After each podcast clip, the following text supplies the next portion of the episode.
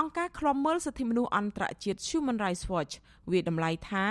ការយាយីនិងការកាត់ទោសអ្នកនយោបាយគណៈបកសង្គ្រោះជាតិគឺជាផ្នែកមួយនៃការប្រឹងប្រែងឥតឈប់ឈរពីសំណាក់រដ្ឋាភិបាលលោកហ៊ុនសែនដើម្បីរារាំងគណៈបកប្រឆាំងដ៏ធំជាងគេមួយនេះមិនឲ្យចូលរួមប្រកួតប្រជែងក្នុងការបោះឆ្នោតនាពេលខាងមុខអង្គការដដែលបន្តថានេះក៏ជាយុទ្ធសាស្ត្រដើម្បីរារាំងជីវិតនយោបាយរបស់ក្រុមមេដឹកនាំគណៈបកប្រឆាំងនៅកម្ពុជាដែរ នាយករងទទួលបន្ទុកកិច្ចការតំបន់អាស៊ីនៃអង្គការ Human Rights Watch លោក Phil Robertson មានប្រសាសន៍នៅក្នុងសេចក្តីថ្លែងការណ៍នៅថ្ងៃទី3ខែមីនាថាការផ្ដំទាទោសលោកសំរងស៊ីនិងថ្នាក់ដឹកនាំដទៃទៀតនៃគណៈបកប្រឆាំងឲ្យជាប់ពន្ធនាគាររាប់សិបឆ្នាំទាំងដែលពួកគេមិនអាចវិលត្រឡប់ទៅកម្ពុជាវិញបែបនេះគឺជាការកម្ចាត់ចោលសម្លេងប្រឆាំងពីសំណាក់ជនផ្ដាច់ការលោកបន្តថារដ្ឋាភិបាលសហរដ្ឋអាមេរិកសហភាពអឺរ៉ុប និងជប៉ុនត្រូវតែទទួលស្គាល់អំពីវិបត្តិសិទ្ធិមនុស្សដែលកំពុងធ្លាក់ដុនដាបនៅកម្ពុជាហើយដាក់ចេញនូវទណ្ឌកម្មជាក់លាក់លើមន្ត្រីរដ្ឋាភិបាលទាំងឡាយណាដែលមានចំណាយទទួលខុសត្រូវក្នុងរឿងនេះ។ សេចក្តីថ្លែងការណ៍របស់អង្គការ Human Rights Watch នេះធ្វើឡើងបន្ទាប់ពីតុលាការក្រុងភ្នំពេញបានផ្តន្ទាទោសលោកសំរងស៊ីនិងថ្នាក់ដឹកនាំគណៈបកប្រឆាំង8នាក់ទៀតឲ្យជាប់ពន្ធនាគារពី20ទៅដល់25ឆ្នាំពីបទឧបឃាត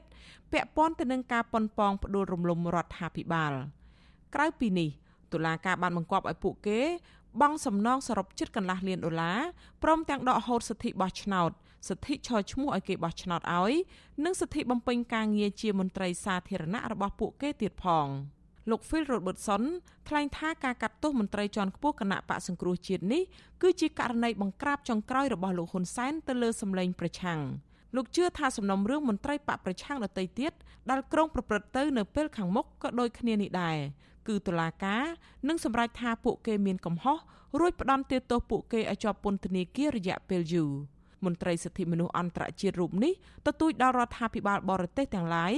ឲ្យថ្កោលទោសលើករណីអយុត្តិធម៌លើលោកសំរងស៊ីនិងសហការីរបស់គាត់ព្រមទាំងចេញមុខការពីលទ្ធិប្រជាធិបតេយ្យនិងសិទ្ធិមនុស្សនៅកម្ពុជា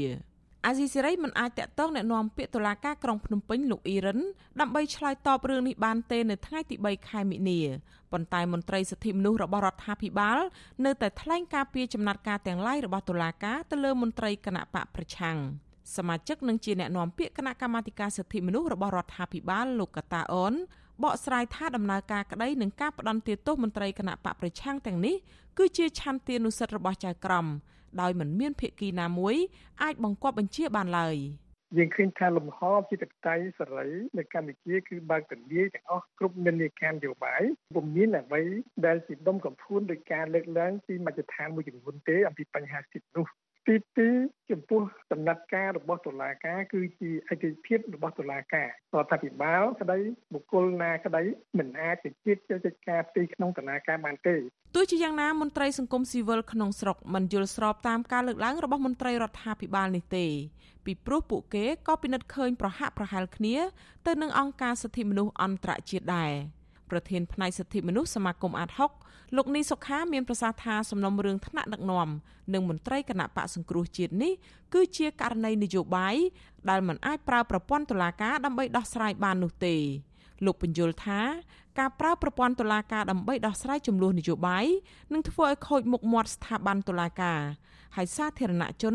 នឹងបាត់ជំនឿលើប្រព័ន្ធយុតិធធម៌ សូមឲ្យតុលាការហ្នឹងទម្លាក់ចោលរាល់ការចោទប្រកាន់ហ្នឹងទៅហើយផ្ដល់នីតិសម្បទាឲ្យអ្នកទាំងអស់ហ្នឹងមានសិទ្ធិក្នុងការចូលរួមប្រកួតប្រជែងខាងនយោបាយវិញទៅអានេះវាជារឿងល្អជាជាងយើងយករឿងហ្នឹងមកកាត់សេចក្តីដាក់ទោសដាក់ទណ្ឌអញ្ចឹងវាធ្វើឲ្យបញ្ហាហ្នឹងកាន់តែធ្ងន់ធ្ងរទៅវិញទេប្រទេសមហាអំណាចធំធំរួមមានសហរដ្ឋអាមេរិកសហភាពអឺរ៉ុប និងអូស្ត្រាលី